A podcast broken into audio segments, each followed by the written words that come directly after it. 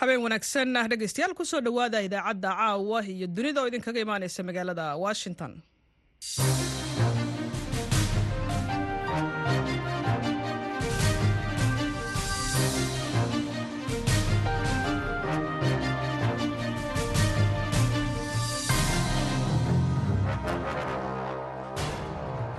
Waa fiidnimo talaada ah. Bisha sebteembar ee sanadka kana waa laba iyo toban. Waxaad naga dhegaysanaysaan mawjadaha gaagaaban ee lix iyo tobanka iyo sagaal iyo tobanka mitrban iyo bogga v o a somaali com. Saacadda afrikada bari waa toddobadii fiidnimo magaalada washingtonna waa laba iyo tobankii duhurnimo. Idaacadda caawa iyo dunida waxaa idinla socodsiinaya anigoo ah caashe ibraahim aadan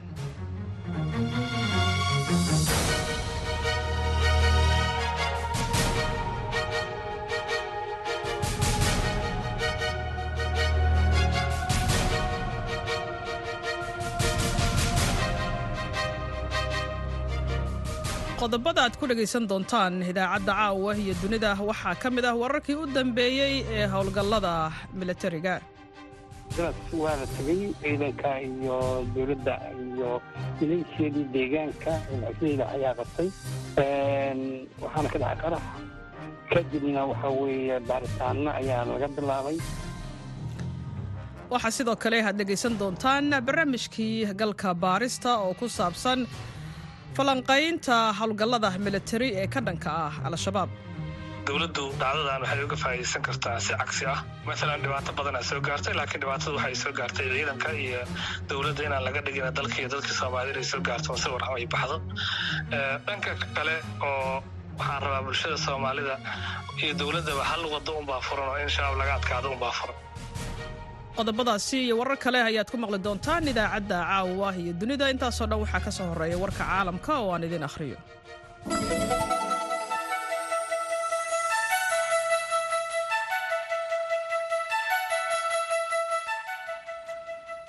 Weeraro salka ku haya isirnacayb oo ay geysanayaan ciidamada gurmadka deg dega ah ee dalka suudaan ee loo soo gaabiya r s f iyo maleeshiyaadka xulafada ah ayaa boqolaal qof ku dilay gobolka galbeedka daarfuur sida uu sheegay madaxa xuquuqul insaanka ee qaramada midoobay talaadadan dhiigga qulqulaya rabshadaha iyo barakaca ayaa kor u kacay tan iyo markii ay dagaalameen ciidamada suudaan iyo r s f bishii abriil taasoo waddanka u horseeday inuu cagaha la galo dagaal sokeeye. Galbeedka daarfuur weerarada salka ku haya isirka ay geysanayaan r s f ta iyo maleeshiyaadka carabeed ee xulafada la ah waxay sababeen dhimashada boqolaal rayid ah oo aan carab ahayn oo ka soo jeeda beelaha masalid volker tark oo ah madaxa qaramada midoobay ee xuquuqul insaanka ayaa hadalkaasi ugu sheegay golaha xuquuqul insaanka magaalada geneva. Tark waxa uu sheegay in weeraradii ugu dambeeyey ay inta badan ka dhaceen ceelganiin oo ah caasimada galbeedka daarfuur ahna magaalada galbeedka ugu xigta dalka suudaan iyo sidoo kale ugu yaraan sideed goobood oo kale waxa uu sheegay in r s f ay maamusho dhammaantood marka laga reebo laba degaan oo ku yaalla galbeedka daarfuur madaxweynaha dalka ruushka valadimir putin ayaa talaadadan sheegay in diyaaradaha f lix iyo toban oo ay reer galbeedku geeyaan ukrain ay sii dheereen doonto colaada ka taagan ukrain isaga oo ka hadlayey fagaaraha dhaqaalaha ee layidhaahdo vadizofog ayuu putin sidoo kale waxa uu sheegay in kun ilaa iyo kun iyo shan boqol oo ruusha ay si tabarucaada ugu shaqeeyaan militariga ruushka. Maalin kastana in ka badan laba boqol iyo toddobaatan kun ay isdiiwaan geliyeen lixdii bilood ee la soo dhaafay. Putin waxa kale uu sheegay in weeraradii rogaal celiska ahaa ee ukrain oo la bilaabay bishii juun si ay isugu dayaan in ay dib u soo ceshadaan dhulkii ciidamada ruushka ee soo duulay uu fashilmay ciidamada ukrain ayaa dib u qabsaday qaar ka mid ah tuulooyinka ku yaalla bariga iyo koonfurta ukrain xilli ay isku dayayeen inay ka soo gudbaan dhufaysyada difaaca ee ruushka iyo sidoo kale dhulka miinooyinka lagu aasay. Hogaamiyaha kuuriyada waqooyi kim jong ang ayaa waxa uu gaaray dalka ruushka talaadadan halkaas oo la filayo inuu wadahadal kula yeesho madaxweynaha dalka ruushka valadimir putin uuna kula yeesho bariga fog ee ruushka iyadoo ay jiraan digniino ka imaanaya maraykanka iyo kuuriyada koofureed oo ka dhan ah suurtagalnimada hub lagu wareejiyo kuuriyada waqooyi. Talaadadan ayaa saraakiisha kuuriyada koofureed waxa ay sheegeen inay si dhow ula socdaan kulankii ugu horreeyey ee kim iyo putin muddo afar sannadooda kadib. Kim iyo putin ayaa waxaa lagu soo warramayaa inay ka wada hadli doonaan in kuuriyada waqooyi ay siiso ruushka hub badan oo ay u adeegsadaan dagaalka ay kula jiraan ukrain iyo howlgallada kale ee militari halka kiimna uu u muuqdo inuu ruushka ka raadinayo in kuuriyada waqooyi ay siiso teknolojiyadda casriga ah ee satellaytka iyo sidoo kale maraakiibta quusa ee tamarta nukliyeerka ah iyo sidoo kale gargaar cunto oo la geeyo kuuriyada waqooyi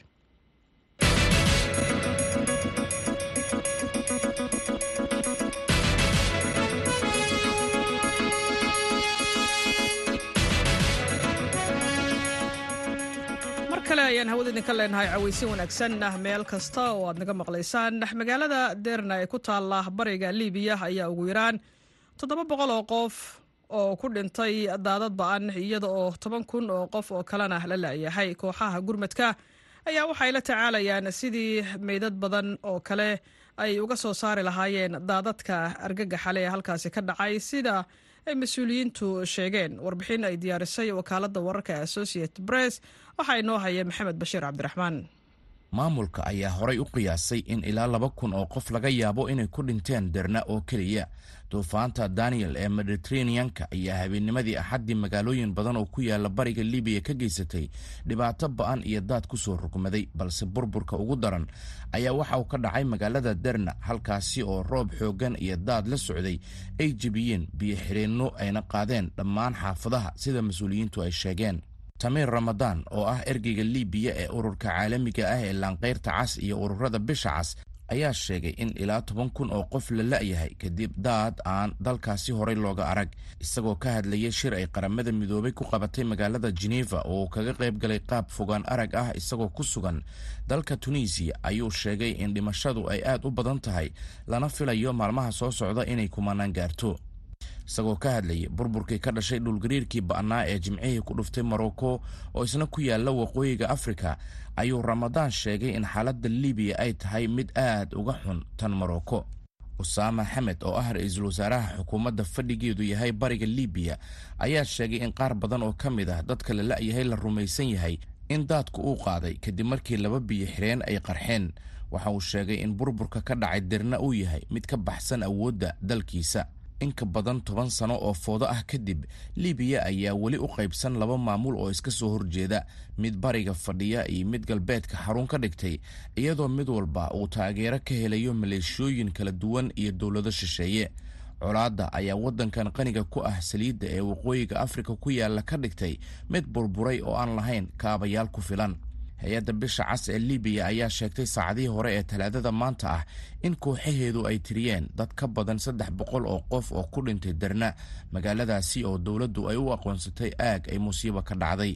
Wasiirka caafimaadka ee bariga libiya cuthmaan cabduljaliil ayaa sheegay in meydad badan ay weli ku hoos jiraan burburka xaafadaha magaalada amaba ay ku daateen badda dadka degan derna ayaa muuqaallo muujinaya burburka xooggan ku faafiyey baraha bulshada. Dhammaan guryihii la deganaa ayaa baaba'ay hareeraha waadi derna oo ah webi ka yimaada buuraha dhex mara bartamaha magaalada.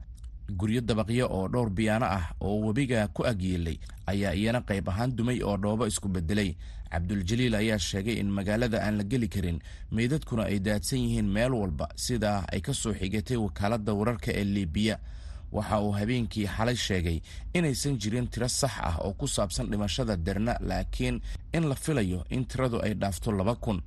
Xaaladdu waxa ay ahayd mid aad uga xun sidii aan filaynay. Waxaa loo baahan yahay faragelin caalamiyah ayaa laga soo xigtay wasiirka. Kooxaha gurmadka degdega ah oo ay ku jiraan ciidamo shaqaale dowladeed dad iskaa wax u qabso ah iyo dadka deegaanka ayaa qodayay burburka iyagoo doonayay inay ka soo saaraan meydadka dadka ku dhintay musiibada maxamed bashiir cabdiraxmaan oo inoo soo koobayay warbixintii ay qortay wakaaladda wararka ee a p. Halkaad kala socoteenna waa afka soomaaliga ee v o a.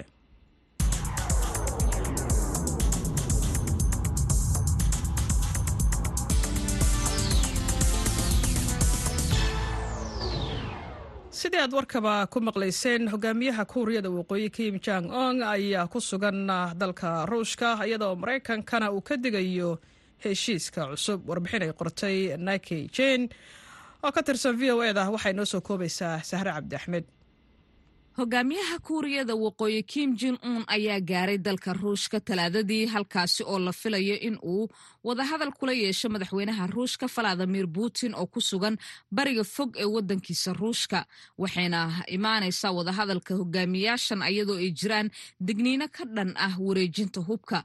Talaadadiina saraakiisha kuuriyada koonfureed ayaa sheegay inay si dhow ula socdaan kulankii ugu horreeyey ee kim iyo putin muddo afar sano ah. Wasaaradda difaaca ee qaranku waxay aaminsan tahay in kim jon un ay u badan tahay inuu gaaray ruushka subaxnimadii hore isagoo isticmaalaya tareen gaara. Sidaas waxaa yiri jin ha yung kaasi oo xaqiijiyey joogitaanka kim in ay qayb ka tahay ciidamada tirada badan ee la socda ee la ogaaday. Waxaan si dhow ula socdaa in wadaxaajoodyada la xiriira ganacsiga hubka iyo wareejinta teknolojiyadda ee waqooyiga kuuriya iyo ruushku ay dhici doonaan ayuu sii raaciyey. Kim iyo putin ayaa lagu soo waramayaa in ay ka wada hadli doonaan in kuuriyada waqooyi ay siiso ruushka hub badan oo ay u adeegsadaan dagaalka ay kula jiraan ukraine iyo howlgallada kaleeto ee milatariga halka kiimna uu u muuqdo inuu ruushka uu ka heli doono in kuuriyada waqooyi ay siin doonto teknolojiyadda casriga ah ee satellite-ka iyo weliba maraakiibta quusta ee tamarta nukliyeerka iyo waxyaabaha kaleeto ee gargaarada cuntadu ay qayb ka yihiin magaalada moscow afhayeenka kremlinka ninka la yiraahdo dimitri beskov ayaa talaadadii sheegay in booqashada kiim ee ruushka ay noqon doonto mid dhammaystiran oo leh ahmiyaddeeda waxaa jiri doona ayuu yiri wadahadallo u dhexeeya labada wafdi wixii intaasi ka dambeeyana haddii loo baahdo madaxdu waxa ay sii wadi doontaa xiriirkooda qaab wadahadal toosa maraykanka iyo kuuriyada koonfureed ayaa haddaba dib u soo cusboonaysiiyey digniinahooda ku aadan kuuriyada waqooyi ee ahayd inaanan la siin karin ruushka hubka loo adeegsado dagaalka ee ukraine. Ma jirto wadan xubin ka ah qaramada midoobay oo haddana ku xadgudbaya cunaqabateyntii iyo qaraaradii golaha amniga qaramada midoobay farahana kula jira ka ganacsiga hubka sharci darrada ah ayuu yiri afhayeenka wasaaradda arrimaha dibadda ee kuuriyada koonfureed lim son sung intii lagu guda jiray warbixintan kooban ee talaadadii laga bixiyey arrinkan. Magaaladan washington d c na wasaaradda arrimaha dibadda ayaa sheegtay in hub kasta oo kuuriyada waqooyi ruushka looga wareejiyey ee xadgudub ku noqon doonto qaraarada faraha badan ee golaha amniga ee qaramada midoobay u yaalla dabcan waxaan si xoog leh u dhaqangelinay cunaqabateynta ka dhanka ah hay'adaha maalgelinta dadaalada dagaalka ee ruushka. Waana sii wadi doonaa dhaqangelintaasi cunaqabateynta kamana labalabeyn doono inaan ku soo rogno cunaqabateyn cusub haddii ay ku habboon tahay. Sidaasi waxaa yiri matthew miller oo ah afhayeenka waaxda arrimaha dibadda ee maraykanka isniintii. Laakiinse falanqeeyaasha qaarkood ayaa shaki ka qaba in hubkaasi kuuriyada waqooyi siiso ruushka uu saameyn weyn ku yeelan karo dagaalka ukraine ee ruushka. Kaalmada kuuriyada waqooyi ee ruushka inta aan ognahay waxay ku imaan doontaa qaab caawinaad ah oo keli ah waxayna u badan tahay inaysan ahaan doonin hubka waxgumaada ama nooc kasta oo hub ah oo isagu dhibaatooyin ku keeni kara dagaalka ruushka. Sidaas waxaa yiri falanqeeyo fadhigiisu uu yahay honolula kim ayaa kulankan madaxeed ee uu la qaadanayo putin. Waxa uu ku soo aadayaa afar sano kadib kulankoodii ay yeesheen bishii abriil shan iyo labaatankeedii sannadkii labadii kun iyo sagaal iyo tobankii. Mahadsanid sahre cabdi axmed ayaa inoo soo koobaysay warbixintii ay qortay nike jing oo ka tirsan v o e da halkaad kala socoteenna waa laanta afka soomaaliga ee v o a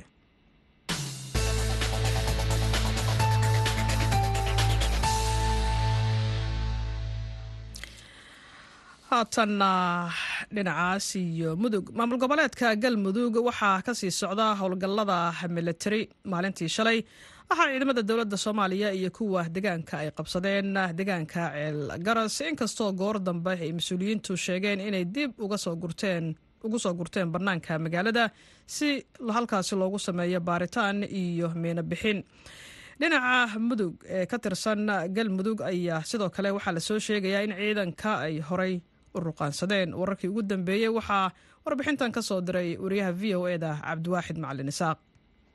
Wararka ka imaanaya deegaanka ceelgaras ee gobolka galgaduud ayaa ku soo waramaya in ciidamada dowladda soomaaliya iyo kuwa daraawiishta galmudug iyo ciidamada deegaanka ay dib uga baxeen deegaanka ceelgaras kadib markii shalay gudaha deegaanka miina ay kula qaraxday mas'uuliyiin ka tirsan galmudug waxaana ciidamada ay bilaabeen hubinta amniga gudaha deegaanka inkastoo ciidamada ay ku sugan yihiin goob aan sidaa uga fogeyn deegaanka ceelgaras ee gobolka galgaduud haddana wararka ayaa sheegaya in ciidamada ay wadaan baaritaano lagu xaqiijinaya amniga ceelgaras waxaana mas'uuliyiinta galmudug ay sheegeen in aysan jirin ka bixitaan ciidamada ay ku faarujiyeen ceelgaras gudoomiyaha gobolka galgaduud cilmi cali ganey ayaa v o a u sheegay in ciidamada wada jira aysan ka bixin deegaanka ceelgaras mahadsantihiin v o a waxa weye horta dadka waxaa isku qadayaan waxa weeye sidaa sheegayso ceelgaras waa la tegay ciidanka iyo dowladda iyo milaysiadii deegaanka maxsudeyda ayaa qabtay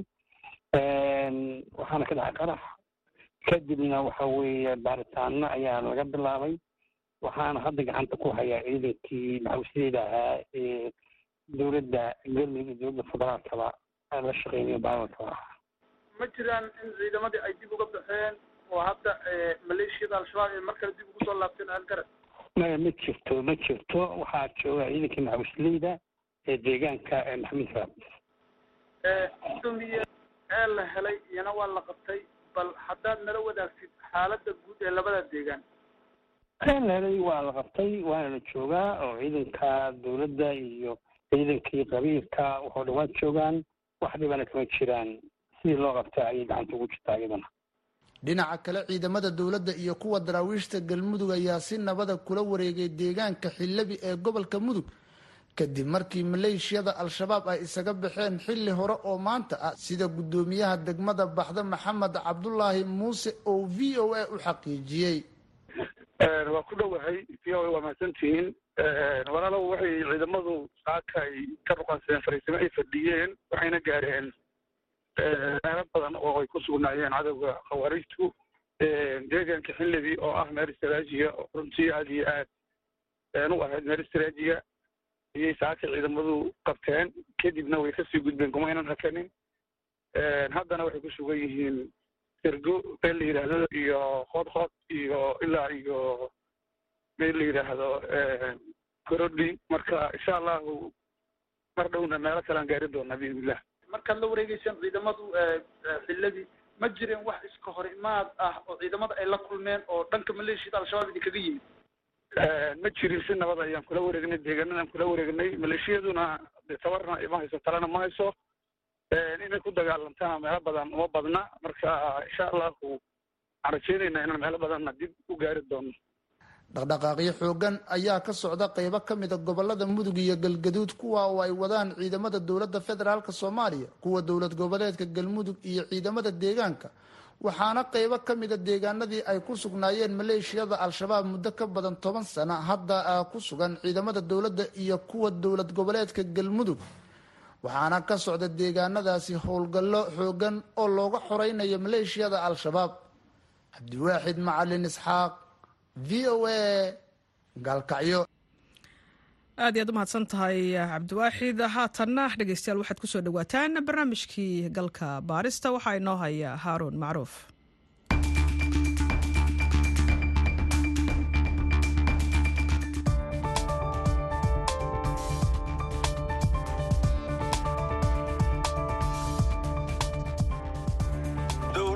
dalkan kama hana qaadi karto kamana dhismi karto inta nimankaas khawaarijta ay joogaan. Dalka afarta da. Dalka dadka diinta iyo dowladda afartaba. Nimankaasaa aad dabar inta ku xiray yaa meel la fadhiistay. Codkii madaxweynaha soomaaliya xasan sheekh maxamuud oo ka hadlayay toddobaadkii hore duleedka magaalada maxaas oo uu ka waday abaabul cusub oo ciidan kadib dib u jiidaha dagaalka ee galmudug ay kala kulmeen ciidamada dowladda soomaaliya. Waxa uu sheegay madaxweynuhu dhismaha dowladda soomaaliya inay u dabran tahay urka al-shabaab. Taas darteedna ay muhiim tahay dowladda iyo dadka soomaaliyeed inay dagaalka ku guulaystaan madaxweynaha soomaaliya xasan sheekh maxamuud waxa uu tan iyo horaantii bishii ogos ku sugnaa gobollada dhexe ee soomaaliya isagoo isku dayay inuu dardargeliyo dagaalka ka dhanka hawrka al-shabaab weerar ay al-shabaab ku qaadeen ciidamo ka mida kuwa dowladda oo hore u sii galay dhulka al-shabaab labaatankii bishii agost ayaa keenay khasaaro badan iyo in ciidamada dowladdu ay dib uga soo gurtaan ceeldheer webxo galcad budbud iyo masagawaay hase yeeshee madaxweynaha soomaaliya waxa uu sheegay inaanay jirin meel dib looga laabto. Guul shabaab maanta qof ay maslaxad u tahay oo ka macaasha yahay ma jiro. Laakiin xaggee loo noqdaa aad noqotide aan wada noqonna dhammaanteena xamaraa isugu tagne ma ku ammaan helaynaa? Ma ku noolaanaynaa nolosha kale iyo haybadda iyo sharafta. Haddii laga soo taga xataa ammaan aan ku kalsoonnahay oo aan ku ladi karno la seexo karno ma ku haysanaa xamar haddaan isugu tagno dhammaanteen? Jawaabta waa maya kuma haysano horena ugumaanaan haysanin haddana kuma haysano kumana helin dagaalkan waxa uu soo bilowday bishii agost ee sannadkii hore waxaana ciidamada dowladda oo taageeraya dadka deegaanka u suura gashay inay dhul ballaaran oo ku yaalla maamul goboleedka hirshabeelle ay ka qabsadaan ururka al-shabaab. Iska caabinta ugu weyn ee al-shabaab ayaa timid markii dagaalku uu gaaray maamul goboleedka galmudug laga soo bilaabo weerarkii galcad ee labaatankii janaayo ilaa kii ugu dambeeyey ee ka dhacay caws weyne lix iyo labaatankii bishii agost dowladda soomaaliya waxay bilihii hore ee dagaalka xoogga saaraysay doorka dadka deegaanka ah. Waxayse goor dhexe bilowday inay soo tababarto ciidamo kumanaan ah kuwaasi oo qaatay doorka hogaaminta ee howlgallada. Kadib dib u dhacyadii dhowaan dhacay dowladdu waxay haatan go'aansatay inay dib ugu laabato qorshihii asalka ahaa oo ah in dadka deegaanku ay hoggaanka yeeshaan daahir maxamuud geelle waxa uu xilal wasiirnimaha ka soo qabtay dowladihii soo maray soomaaliya. Sanadkii horena waxa uu ka mid ahaa siyaasiyiintii isku sharaxday jagada madaxtinimada soomaaliya. Waxaan weydiiyey sida u arko qaabka ay dowladdu u maamushay dagaalkan. Howlgaladan sanadkan daba dhacay. Horta dagaalada oo shaabka lagula jiro markay soo bilowdeen ilaa iyo hadda waa ay socdeen siyaabo kale ka gedisan mararka qaarkood ha qabobaano mararka qaarkoodna ha kuulaadaano laakiin kaliya waxaa ku soo kordhay waxay tahay habka dowladdu ay xooggeeda iskugu geynayso dagaalada noocan ah iyo dhibta la helay oo fidinta xuduudaha dowladda gacanteeda ay gaari karta ah iyo diyaargarowga oo siyaabo uun aadaha loogu soo diyaargaroobay oo ah amba ciidamada tababarkooda amba maxaanku idhahdaa sahayda amba waxyaabaha la halmaalay arrimahaas ayaa waxaa iigu muuqdeen arrimo aad iyo aad u wanaagsan oo hanaankii hore nawcan maa ka gedisan oo kaga gedisan xagga aruursanaanta awoodda xagga madaxweynuhu sida uu shaqo uga dhiganaya isaga iyo dowladdiisa. Amba nambarka koowaad ay uga dhiganayaan in nimankaas laga lib keeno. Waxaa intaas sii raacdo oo aad iyo aad aan u malaynayo inay u saacidaysay dowladda iyo ciidamada qalabka sidaba kalibkeenida arrintaas. Amba guula kasoohoynta in shabaabku ay sanawaad badan dhulalkaas ay cidlayseen xakumeen cadaadiyeen meel ay ka taliyaan oo dadka dadku arkaan habka ay wax xukumayaan amba ay wax u maamulayaan. Lagama yaabo inay jacayl kula joogaan laakiin waxay kula joogi karaan cudud iyo ciidan. Marka iyadoo nidaam taliya aan la jeclayn ayaa haddana shabaabku waxay ahaayeen dad aad iyo aad u gacan qallafsan amba wax ka qaadashada amba ciqaabida amba xorriya ka qaadka. Waxyaabahaasoo idilaa waxay saamaxayeen arrimaha hadda duulaanka ah oo nimankaa lagu qaaday iyo guulaha hordhaca ah oo laga gaaray istiraatiijiyada al-shabaab ee xilligan waxay soo socotay tan iyo intii lagu qasbay inay dib uga gurtaan magaalada muqdisho sannadkii labada kun iyo koob iyo tobanka. Istiraatiijiyadaasi oo ku salaysneyd dagaal ku dhufo oo ka dhaqaaq ah sida ay aaminsan yihiin khubarada amniga. Hase yeeshee dhinaca hadafka wasiirkii hore ee warfaafinta daahir maxamuud geelle waxa uu aaminsan yahay in ujeeddada al-shabaab ay tahay inay hor istaagaan dowladnimada soomaaliya inay lugaheeda ku istaagto caqabad culus baa hadda soo wajahday dowladda oo ah in meelaha qaarkood laga soo baxay weeraro askar badan ku dhinteen ay shabaab ku soo qaadeen. Maxay kula tahay way la gudboon tahay dowladda arrintan inay dhinaca kale u jeediso oo mar kale dadka iyo ciidanku ay garabkeeda wada noqdaan? Aniga waxay la tahay dowladdu dhacdadan waxay uga faa'iideysan kartaa si cagsi ah masalan dhibaato badanaa soo gaartay laakiin dhibaatada waxay soo gaartay ciidanka iyo dowladda inaan laga dhigin dalka iyo dadka soomaaliyed inay soo gaarto sawir ay baxdo. Dhanka kale oo waxaan rabaa bulshada soomaalida iyo dowladdaba hal wado unbaa furan oo in shabaab laga adkaado unbaa furan. Wadada haddii loo haysay inay fududdahayn haddi ma fududo nimankan niman caalami waaye oo meelo badan ku xiran oo waayo aragnimo badan oo afartan sana ka badan ule howlahan waaye jidku waa jid dhiig leh waa jid dhib leh laakiin aysan ka furnayn in la maro maahina wax kale oo fursad oo ka fura aysan jirin haddaan isla xisaab abtan xoog la dhicin haddii aan dadka amba askarta amba saraakiisha waxaa ku waxyeeloomayana kuwa kale waxay ku qancaan oo ku dhiirigeliya amba hubanti uga dhig inaysan tii kale dhicayn aanay tilaabooyin noocaas la helin. Runtii dagaalka wuxuu u baahan yahay oo weyn baa dhaawacmaayo oo dhaawaciisina wuxuu noqonaya midaan la dhayin oo ah moralka. Laakiin ciidanku haddii ay ogaadaan qaladka meesha uu ka yimid xogta lala wadaago ciqaabteeda ay timaado maxaan ku idhaha sidii abaalmarinta geesinimada iyo waxqabadku ay u mudan tahay ayaa gaabinta iyo dayaca iyo khiyaanaduna u mudan yihiin ciqaabid marka dowladda waxa la gudban waxa ay tahay inay wax ka barato laakiin baaritaan xoog leh iyo tilaabo laga qaado dadkii sababta u noqday arrintaas oo dad kale ay ku cibrad qaataan ayaa aad iyo aad muhiim uga ah si looga gudbo xanuunkii caws weyne iyo meelaha kale ee ciidamada dhibaatada xooggan ay ka soo gaar. Sideedana hadda waa waa dadka dagaalada yaqaana waa ay yaqaaneen dagaal hadda waa mashruuc oo dhimasho iyo dhaawac salka ku wato. Laakiin waxaa la xiiseeya ay yihiin labadan in la yareeyo guulna la helo. Dabayaaqadii bishii hore intii madaxweynaha soomaaliya uu joogay magaalada dhuusamareeb waxaa halkaasi lagu soo gebagabeeyey wareeggii u dambeeyey ee shirarka madasha wadatashiga qaran qodobada ka soo baxay shirka madasha oo ay ka qayb galeen madaxda dowladda federaalka iyo maamul goboleedyada waxaa ka mid ahaa dhammaystirka howlgallada dib u xoreynta degaanada weli ku harsan gacanta al-shabaab iyo codsi loo jeediyey saaxiibada caalamka oo ah inay kaalmo wax ku ool ah ka geystaan degaanada laga xoreeyey al-shabaab si waafaqsan qorshaha xasilinta dowladda si gaar ah madasha qaran waxay ku sheegtay warmurtiyeedkaasi in dowladda federaalka dowladaha xubnaha ka ah iyo shacabka soomaaliyeed ay si wada jir ah oo isku tashi leh ugu tabaabushaystaan dagaalka una xajistaan amniga degaanada la xoreeyey. Goluhu waxa uu sidoo kale isku raacay in howlgallada la waafajiyo istiraatiijiyada qaran ee la dagaalanka mintidiinta la iskuna dubarido dadaalada kala duwan. Hase yeeshee shirarkii ugu dambeeyey madasha qaran waxaa ka maqnaa maamul goboleedka puntland mas'uuliyiinta puntland waxay bilowgii sanadkan sheegeen inay arrimahooda u maamulanayaan sidii dowladda madax bannaan oo kale ilaa inta laga dhammaystirayo dastuurka la isna waafajinayo dastuurka federaalka ah iyo dastuurada maamul goboleedyada islamarkaana hafti loo qaadayo. Waxaa mas'uuliyiinta maamulka intaasi ku dareen in wixii dan ah ee ay ka leeyihiin dowladda federaalka ay si toos ah ugala xaajoonayaan. Wasiirka warfaafinta ee puntland maxamuud caydiid dirir ayaan ka waraystay mowqifka maamulka ee howlgallada socda runtii maaragtay nimankaas dowladiidka ah oo khawaarijtu dhibaatay ku hayaan ummadda soomaaliyeed muddo aan labaatan sano hadda ka yarayn. Waana loo baahnaa dagaalkooda in ummadda soomaaliyeed nidaam bay diidan yihiin dowladnimay diidan yihiin amni iyo nolol bay dadka soomaaliyeed u diideen. Ciddii la dagaalaysa ee wax ka qabanaysa waa soo dhaweynayna aad iyo aad baan u soo dhaweynayna waana taageeraynaa marar badanna gacan waa saartay. Puntland shacab iyo dowladba dowladihii kala dambeeyey. Hase ahaatee muxuu ahaaye de waxay u baahan tahay in la iska kaashado dadka soomaaliyeed oo dhan iska kaashadaan xogta la wadaago istraatijiyada lagula dagaalamayo la wadaago. Hase ahaatee haddii qolo kalihii ay maratay dee fooda isdaraan waxaad moodaa inay meel kale u wareeganayaan oo baxsadkooda meel kale aadayo.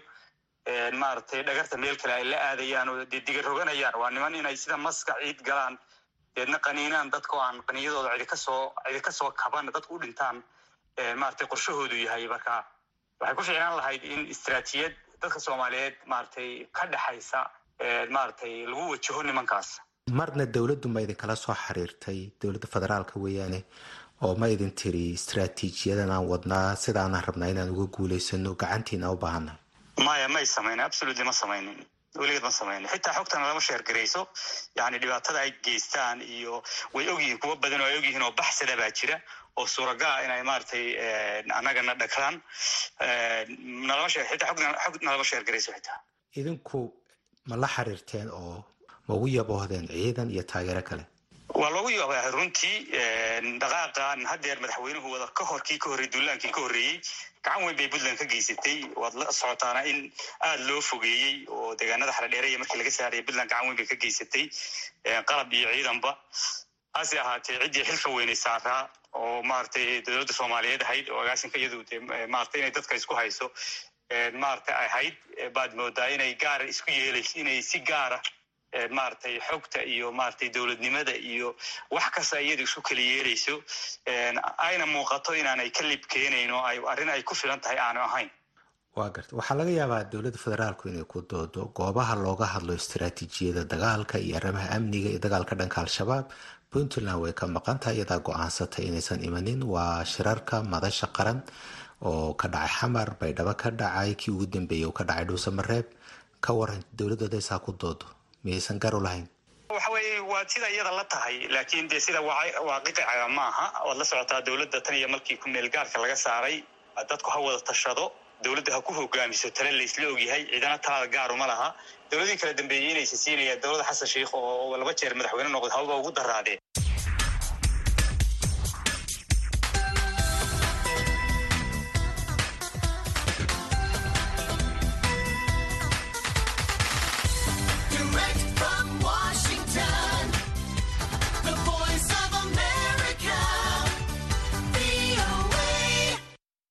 fiid wanaagsan dhegaystayaal ku soo dhowaada barnaamijka toddobaadlaha ee caweyskala dhaab kaas oo idinkaga imaanaya. La'aanta afka soomaaliga ee v o a ra'idioga xeryaha dhadhaab barnaamijka toddobaad walba waxaad ku dhegaysataan labada mawduuc ay ugu hadalheynta badan yihiin bulshada ku nool xeryaha qaxootiga iyadoo dhegaystayaasheen dhadhaab iyo deegaanada ku xelana si toos ay nooga dhegaysan karaan. Idaacadda f m-ka v o e dhadhaab ee ka soo gasha mawjada f m-ka ee hal eber lix dhibic todoba megahartis barnaamijkeena caawa. Qodobada aad ku maqli doontaanna waxaa ka mid noqon doonaa boqolaal qoys oo qaxooti ku ah deegaanka buulobakti ee duleedka xeeda dhagaxligi oo wajahaya xaalad biyo la'aan ah ayaa hay'adaha samafalka ka codsaday in lala soo gaaro biyo ay cabaan. Sidoo kale barnaamijka waxaa qeyb ka ah ardayda wax ku barta iskuullada ku yaalla xeryaha oo ka hadlay siday u arkaan in afka hooye ee soomaaliga aan lagu dhigin iskuullada ku yaalla xeryaha kamar xubintii shakhsiga oo toddobaadkan uu marti ku yahay. Daahir mukhtaar bashiir oo ah jiraa dhayar oo sameeya filimada wacyigelinta ee looga hadlo arrimaha qaxootiga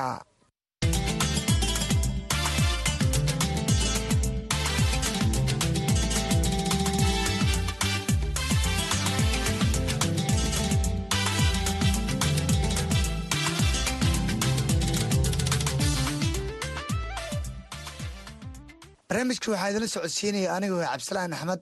Boqolaal qoys oo u badan qaxootiga ka soo barakacay abaaraha ka jira soomaaliya ee dhowaan soo gaaray xeryaha dhadhaab ayaa wajahaya biyoyari baasan kadib markii ay yaraadeen. Biyihii ay ka cabi jireen tubooyinka ku yaalla goobaha ay ku nool yihiin qaxootigaasi. Buulabakti oo ah galbeedka xerada dhagaxley ee kaamka dhadhaab ayaa saldhig ah qaxootigaasi oo qaarkiis dhowr jeer ku barakacay gudaha xeryaha kuwaas oo sheegayo in adeegyada samafalka aysan u helin sidii loo baahnaa ayaga oo tilmaamay inay haatan u baahan yihiin gurma deg deg ah maadaama biyo la'aan baahsan ay haatan joogaan. Qaar ka mid a hooyooyinka qaxootiga ah ayaa barnaamijka caweysa uga waramay saamaynta ay ku yeelatay biyo la'aantan iyo xaaladda ay joogaan. Magacayda amana cabdinuur alayra marka aad iyo aad baan u rafaadsannahay biilaana aad ugu rafaadsannahay markii aan ma aragtaay tubiyaalka kale aan tagno oon laba caag soo qaadano balale iyo wax aan tugnana wax noo gelinayaba ma lahaba iyagaaba isku digaalahayaanba. Marka aad iyo aad baan u rafaadsannahay waxaan rabnaa inaan biyaha noola soo dee qaxooti biile wax kaloo isku nooli mala biyahan ku noolin biyahana waan la'nahay.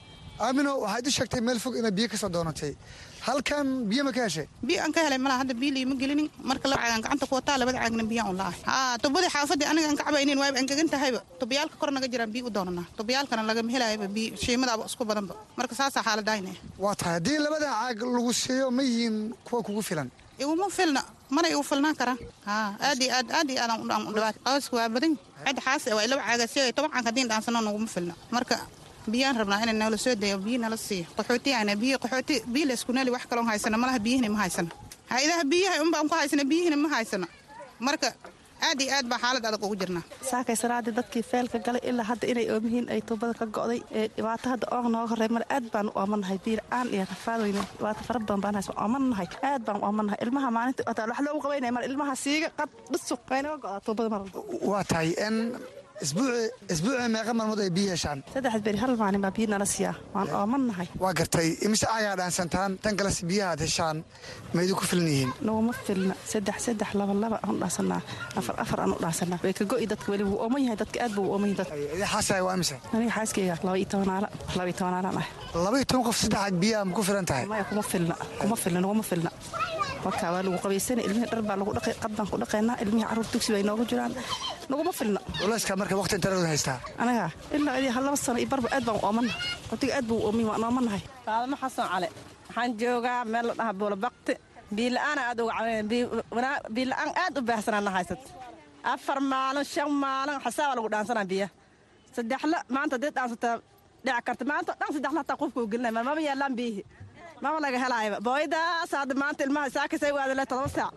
Tubadii balaaya ka dhacda waa la soo xaray caag faaruq waa guriga liigu keenay. Hadda intaan fadhiya biyina ma laha. Waa tahay faadmo tubadan goormaa kugu dambaysay biyaha ka cabto arbacada arbaca arbaca soo tiri maanta lagu sheegay afaray ka joogta arbacadee biyo nooga dambaysay arbacadii saddex caag an dhaansada ilaa saddex caag afar maalin ma lagu joogi karaa? Dad nooloo ilmo lahoo walaal iyo waarad lahoo daras lahaana biyo la'aan dhibaato aad u baahsanaan qabnaa biyo la'aan xaggeeda dhibaataan u qabnaa. Gargaaran noola sameeya biyo aan helna buushley marka dadka bannaanka degan aadaan u tabaalaysana biyo aan baahanan biyo nogala gargaaraan rabnaa waxaa waaye dadkii hore u deganay footuu laga soo raryaannahay naaskii horta waxaan ku saarnay shan iyo toban qof haddana waxaan ku saaranahay soddon halkii naas oo socdo soddon qoys dadka banaankan lagu daaday oo rafaadsan aana soo koray nafan nolol biyaan leh nolol lamay taalla markaan saakii saddex qofaa ka dhaansatay aniga hadda waxaa iigu dambaysay isniintii hore makasno marka anaka dhibaatada nahayse waa biila'aan waxaan u baahannahay hay'adda raashiin horta xagga iska dhig laakiin biyo aan u rafaadsannahay biyo inay noo soo dayso hay'ada imase saacadood iyo biyaha socdaan?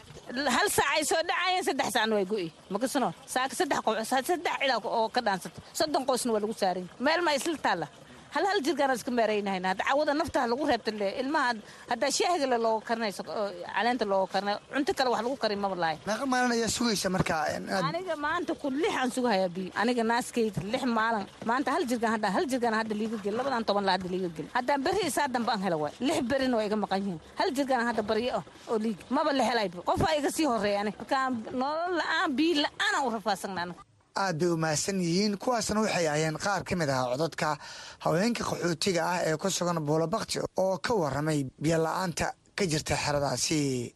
Marka laga tago qaxootiga cusub deegaankan buulabakti oo ka tirsan xeryaha wuxuu saldhig u yahay qaxooti shan sano ka hor laga soo raray xerada iflabo kuwaas oo sheegayo in wakhti dheer cariiri badan oo dhinaca nolosha ay wajahayaan. Waatan faadumo cabdi oo ka mid ah haweenka ku nool deegaankaasi. Waxaan ka caban haynaa oo waxaan isbuucan biyo ku dhaansanaa biyo ma haysana isbuuc toddoba biri markaan qada anigoo laba xaasoo isku soo jabtee toddoba biri markaan qada halkii maalinoo isoo marta maalintii sideedaan saddex caag dhaansadaa wax biyo oon haysana ma laha wax daryeel oon haysana ma laha.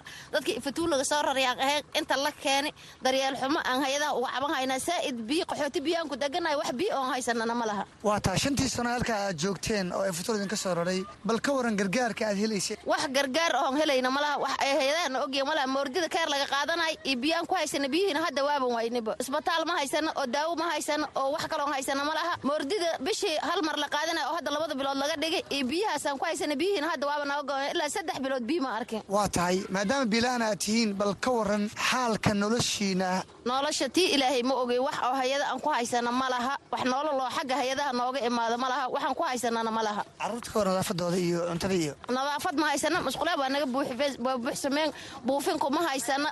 Barambarada guryaha nooga soo galayso raashinka naga galaysa saabuun ma haysana waxaan haysana ma laha. Koley ilaahay xaggiisaan ka degannahay xagga ilahay unbaan ka degan ugu dambayntii maxaad ka codsanaysaan hay'adaha gaar ahaan hay'adda biyaha? Inay biyaha noo soo dayso oon biyo helnaan ka codsan hayna biyo unbaan ku joogna qaxootiga biyo unbaan lagu joogaa biyo ma haysana. Qof toddoba biri inay qadi maalintii soo aroodhay saddex caag dhaansadi. Kan kalena as dhaamin tuubadii kale haddiis taga as dhaamin motoor haddiis taga as dhaamin wax noola laho u taalla ma laha. Biyo ma haysana biyo inay noola soo dayan ka codsan laheed dhinaca kale siyaad cali gallow oo ka mid ah guddoomiyaasha deegaanka buulabakti ayaa hay'adaha samafalka ka codsaday in dadkan si degdega loo soo xabiyo isagoo xusay inay ku wargeliyeen hay'adaha samafalka culayska ay ku nool yihiin qaxootigaasi. Cabdisalaanow markaan i weydiisay dhanka biyaha aad baa loogu dhib qabaa. Marka insha allah hay'adaha markaan u sheegno awal hor waxay samayn jireen filcelin iyo waxqabad bay samayn jireen. Dhanka biyaha aad baan aan ugu dhib qabnaa nin gaajaysana intan hown baa ku filan. Warwareeg iyo macnaha kiis uma baahano dhanka hay'adaha aad baa had u naasgaabiyeen way daaleen. Shacabkina wuu daalay. Maalin alla geliya waan u sheegnaa. Casarkaan u sheegnaa subaxaan u sheegnaa usbuuc walbaan u sheegnaa. Marka insha allah sida culeys imaado shacabka bulshada carruurta iyo haweenka waxay aad u dhaliilaan. Guddoomiyaasha iyo shigshanada jeemanada su'aalo badan iyo aad badan ayaa qabto. Anagana waan ku daalnay. Waxaan codsanaynaa insha allahu hay'adaha collectionka mal u n c r waxaan ka rajaynaa ka codsanaynaa inay macnaha codsigan ay qaadaan bulshada baaba'ayso oon u dhammaanayso inay macnaha codsigeeda kor u qaadaan ayaa aad u soo dhaweynayna arrintan ay ka bedelaan ficil wanaagsan ay u bedelaan waxaan ka codsanaynaa hay'adaha inay ficil ay sameeyaan oonkan hayo kiiskeeda ay dib u baaraan. Codsigaanada ay qadariyaan insha allah waan soo dhaweynaa aad buu mahadsan yahay kaasna wuxuu ahaa siyaad caligallow oo ka mid a guddoomiyaasha deegaankaasi oo u warramay barnaamijka caweyska dhadhaab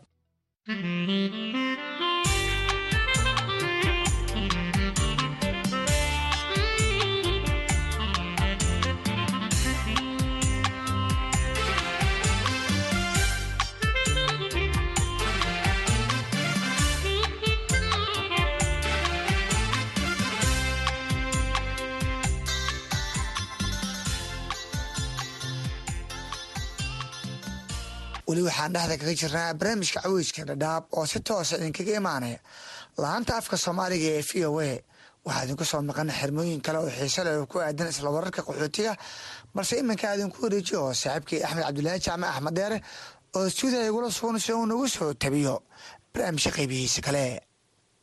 Mahadsaned cabdisalaan axmed dhegaystayaal waxaad nagala socotaan barnaamijka caweyska dhadhaab oo aad ka dhegaysanaysaan laanta afka soomaaliga ee idaacadda v o a waxaanuu barnaamijku si toosa idinkaga imanayaa xeryaha dhadhaab ee gobolka waqooyi bari ee kenya. Magacaygu axmed cabdulaahi jaamac ku soo dhowaada warbixinno kale oo la xidhiira nolosha dadka ku nool xeryaha qaxootiga oo qayb ka ah barnaamijka caweyska dhadhaab ee toddobaadkan. Waxaa ka mid a qodobada aad ku maqli doontaan xubintii shakhsiga oo toddobaadkan uu marti noogu yahay daahir mukhtaar bashiir oo ah jalaa da'yaroo wax ka mitela filimo wacyigelina oo ay hay'adaha samafalku u gudbiyaan dadka ku nool xeryaha qaxootiga oo aan ka waraystay kaalindiisa jalaannimo iyo waxa uu higsanayo. Waxaad kale oo maqli doontaan ardada wax ku barta xeryaha qaxootiga ee dhadhaab oo ka hadlay sida ay u arkaan inaan afkooda hooyo ee soomaaliga lagu dhigin iskuullada ku yaalla xeryaha dhadhaab. Haddii aan ku bilaabo dhegaystayaal xubinta shakhsiga daahir mukhtaar bashiir waa saddex iyo labaatan jir ku nool xeryaha qaxootiga ee dhadhaab. Waa jilaa muuqaalduube iyo nidaamiye qayb weyn ka qaata filimo wacyigelina oo ay hay'adda qaabilsan dhinaca wacyigelinta ee filim eid ay u gudbiso. Dadka qaxootiga ah ee ku nool xeryaha dhadhaab daahir ayaan ka waraystay kaalintiisa samaynta filimada iyo waxa uu higsanayo waxauna waraysiga ku bilaabayaa shaqadiisa iyo waxa uu qabto. Xirfadeedu waa cinematography. Cinematography markaad maqashid waa qof photographer videographer duubistana aqaano jilista aqaano directingkii qaabka wax loo kala hagaajin lahaa aqaano iyo sidoo kale dad bara xirfadaas ayada ah. Taasaan la dhahaa marka cinematography. Xirfadan waxaan bartay labada kun iyo labaatanka bish afraad xirfadan horta waxaan ka bartay hay'adaha oo laga barta xirfadooyinka hay'ad ka mid ah la dhaho filmaid waxaan arkay anoo iskuulkiina dhiganayo iyo xirfadan loogu talgalay inay laga faaideyst ay ka faa'idaystaan dhalinyarta da-da u dhexeeya sideed toban ilaa iyo afar toban. Isla waqtigaas ayaan ka faa'idaystay dhalinyarta waxaan on ka bilaabay kow hadda cinematografinimadan aan joogo oo mediahan cameran ka bilaabay camerada meesha xaruntaa imaaday cameradian batay waxaan ahayn soddon arday laakiin alxamdulilah waxaan noqday kuwa ugu fiicnay mid ka mid ah. Saasaa marka haddana ay igu sameeyeen wax la dhahayo mentorship oo xiriir ka dhexeeyo hay'adda iyo dadka ardayda ayaga ay wax baraan kaasoo u fududeynaya ardaygaas in uu kaga faa'iidaysto fursadooyin kale oo ay u wadaan magaalo kale ka mid ka dheer magaaladaas kale sifaasna wax ugu soo qabto ay ku shaqeeyaan oo maxaa ay darinsiyaan yani qaabka loo shaqeysan lahaa qaabka wax loo duubi lahaa ay baraan qaabka asin keligiisu ku shaqeysan lahaa wax iskugu tari lahaa. Laba kun labaatan iyo kooga waxay i bareen galaas kale oo soconayo sagaal bilood kaasoo la dhaho media glass. Media glasskaas wuxuu iga caabiyey inaan barto sida wax loo dhaarigtigaray yani filinka markaad dheysid istaaji hore uwad sidoo kale sida qofka actarka loo dooqdo qofkan meeshan muu ku qurux badan yahay muu ku xun yahay. Waxaa kaloo aan ka bartay sida oo loo sameeyo muuqaalada loo hagaajiyo. Waxaan kaloo ka bartay qaabka loo duubo muuqaalka si naftarkiisa ah markii aad duubsid qaabkaad ku hagaajisan lahayd waxaa kaloo ka bartay haddii ay noqoto wareysi qaabkaad u qaadi lahayd waxaan kaloo ka bartay haddii ay noqoto jilis qaabkaad aad u jeli lahayd. Ilaa iyo xilligaa aad xirfadda baratay maxaa waxqabada oo la taaban kara oo aad qabatay? Ma jiraan filmaan adiga aad ka qayb qaadatay? Ha noqoto ama ha ahaato inaad jilaa ka ahayd ama duube ama hogaamiye? Way jiraan filmo fara badan oo aan ka qayb qaatay waa markay noqoto qeyb qaadasho haddii ay noqoto dhanka codka filimada markaad daawanaysid codkiisa uu fiican yahay. Haddii ay noqoto kaamirada haddii ay noqoto ay dadka nalka haayo aftiinkaas oo adi aad ujeedid mar mugduu noqona mir aftiinuu noqonay balans laga dhigayo haddii ay noqoto iisheeg dhanka oo dooqista dadka aad dooqanayso jili lahaa filimaanta haddii ay noqoto in ani aan jilo iyo haddii ay noqoto kaamira guud ay dhahaan kaamirada oo guud waa b t s loo la dhaho yani scene loo yani lagu magacaaba kaamirada waxayna u qaabilsan tahay in ay duubto waxay filinkaas naftirkiisa iyo dadka duubaan iyo kulli ay korka duubi kaasoo lagu aqoonsan karo filinka. Marka markii aan soo fiiriyo ku dhawaad waxay gaarayaan sideed iyo labaatan kuwii ani oo aan ka mid ahaa misena aan duubay. Waxaa kaloo iisii dheer arday fara badan waxaa jirto ani aan tababaray oo ani xirfadan aan ku tababaray hay'addii markay shaqo isiisay kadib waa horumarka ani aan ka gaaray meesha. Waxaa ka mid ardaydaas oo iskugu jiraan gabdho iyo wiilal. Waxaana ka tababaray ifo iyo dhagaxle iyo xaga dheer. Wayna jiraan kuwo oo si qaas ahaan ani aan u baro. Waxayna gaaraan todobo oo wiil ilaa iyo afar gabar oo ani oo si qaas ayadoon hay'adan ogeen oo ani ay ii imaadeen ay uga faa'iidaysteen. Waayo sababtoo fursadda hay'adda waqti walbo ma joogto. Laakiin waxay imaadaa sannadkii hal mar mise laba mar kaasoo loogu talagalay inay ka faa'iidaystaan dhalinyarta waqtigaas oo oo haysanin xirfad ama iskala shaqo sideed iyo labaatanka filin oo aad sheegtay inaan ka qayb qaadatay ma jiraan laba filin ama saddex aad is leedahay filmaanta kale way kaaga duwanaayeen oo kaalin muhiima ka qaadatay way jirtaa. Waxaa jiro filin ku magacaabaan runta filimo waxaa jiran oo lagu magacaabo mid waxaa jira aan ka duubaynay iskuullada secondariga qaabka system madcafka cusub qaabka wax ay u bartaan kaasoo aan ka ahay cameraman waxaanoo kale oo filin kale oo igu fiicnaa oo igu qiimo badnaa wuxuu ahaa mid ka sheekeena isdhexgalka bulshada oo dadka soomaalida iyo dadka kale sifa ay iskula shaqaysan karaan iskala waxaysan karaan kaasoo ahaa kamerada b t s kamerada guud oo dhammaan filinka dadka tusaysay dadka jilayaan iyo macal dadka hadda duubhayaan iyo wax ay sameynayaan qeybtas ayaan ka ahaa. Midkii saddexaad oo igu fiici badnaa runtii oo markaan arko oo aan la yaabay oo igu yaabka badnaa oo aan ku aqoonsaday in ay jiraan dhalinyar soomaaliyeed leh xirfadooyin kala duwan ah kaasoo ishee karo waxaa la filin oo yar waxa amiin la dhaho kaasoo sameynayo diyaarada iyo waxyaabahaas camal. Waxaan wax ka xilsaanaa dhanka codka. Markaa dhegeysta codkiisa wuxuu noqonaa very very nice. Marka saddexdaas ahayd kuwa ani itaabta misane oo aan aan ku qanco oo aan i farxad geliyo mise zaaid aan kaga helo marka laga soo taga intaas kale bulshadii aad filmaanta u sameynayseen ama daawanayay filmada aad jishaan ayaa ku dhex nooshahay. Sidee bulshada ku arkaan?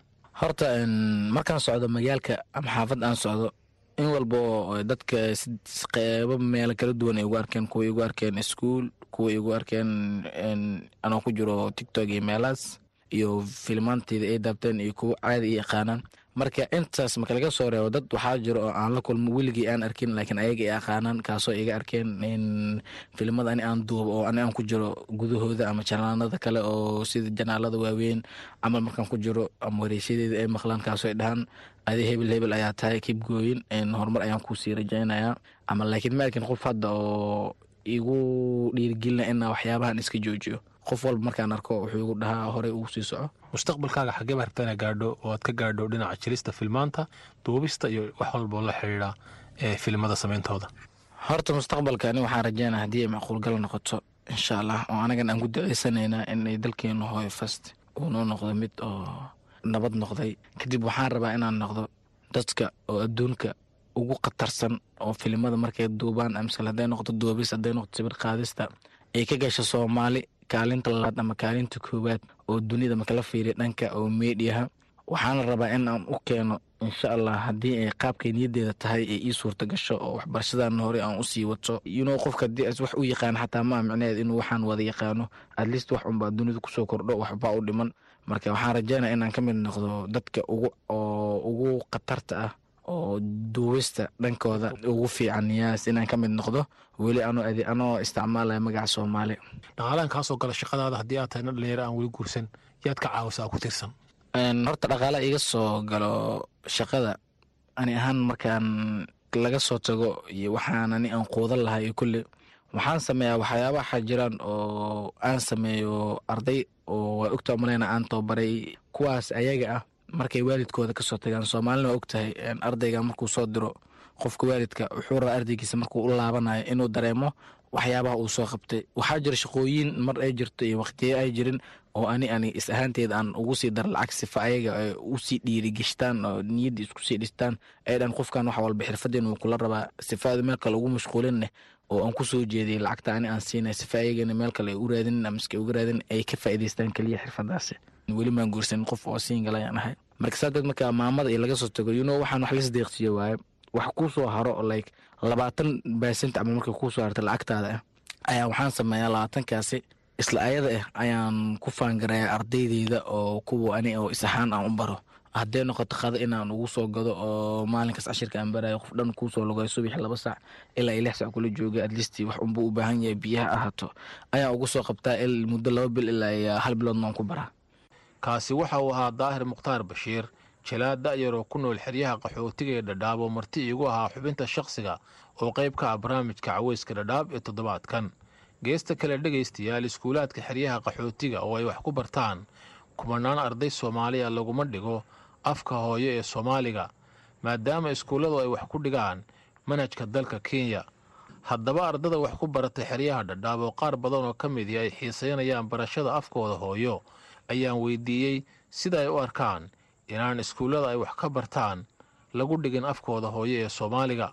Maxamed cabdulaahi axmed oo arday ku jira sannadkii ugu dambeeyey ee dugsiga sare ayaa sheegay in la'aanta barashada afka soomaaligu ay dhallinyarada ku tahay dhibaato aan la dhayalsan karin. Manhajka kenya laguma dhigo afka soomaaliga. Dhallinyaraduna aad iyo aad bay ugu dhiban tahay. Qofkuna afkiisa iyo ujiritaankiisa iyo luuqadiisa ayaa wax walba uga muhiimsan. Marka aad iyo aad bay u dhibaysaa baan is leeyahay waxaana is leeyahay waa dhibaato ku timid jiritaanka afka soomaaliga. Maadaama meesha bulsho soomaaliyeed ay joogto oo dhallinyarada welibana xeryaha qaxootiga bulsho soomaaliyeed wax lagu barayo. Marka af soomaaliya in lagu daro waan jeclaan lahayn. Dhallinyaraduse soomaali la'aantaas dhib aada u weyn bay ku tahay. Maxamed waxa uu sheegay in afku yahay udubdhexaadka ay ummadi leedahay oo qofka u sahlaya inuu barto dhaqankiisa iyo wax walba oo la xidhiira dadka iyo dalka uu asal ahaan ka soo jeedo. Horta muhiimadda afka soomaaliga uu leeyahay bulshada inay barato waxa weeyaan waa isirka soomaaliga. Afku waa halka jiraalka bulshada ama jiilka markaa socdaba uu ka dhaqaaqo. Waxa weeyaan waa meesha keliya ee bulshada adhaxda u ah. Marka qof kastoo soomaaliya inuu afka soomaaliga barto muhiim aadba aad bay muhiim ugu tahay. Waxaan is leeyahay waxaa weeyaan wax loo baahan yahay laguna dhiirageliyo in dhallinyarada la baro.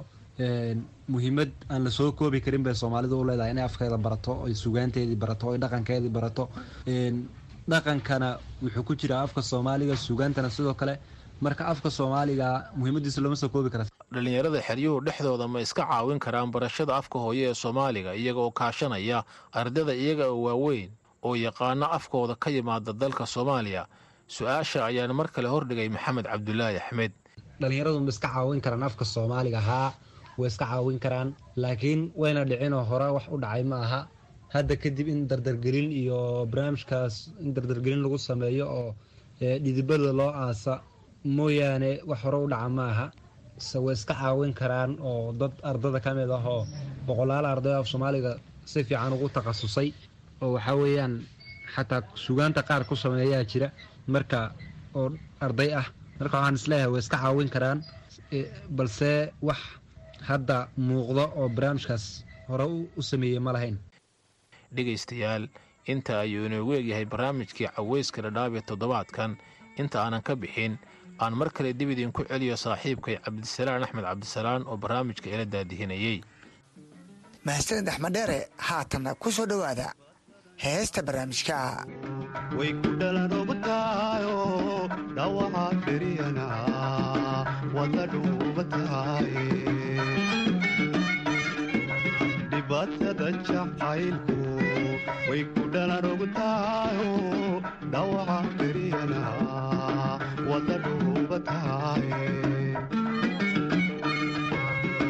dhereriyo laaxaadna way kala dhantaalo dhabankiyo gamugamugamu misku kaydhege dhereriyo laaxaadna way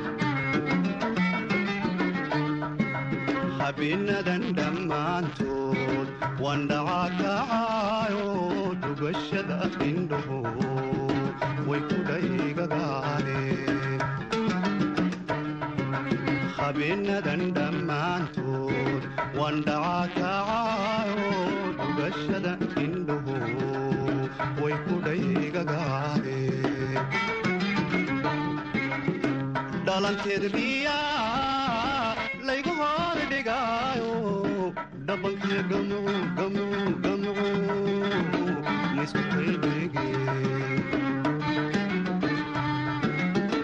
dhalankeedamiya laygu hoor dhigaayo dhabanka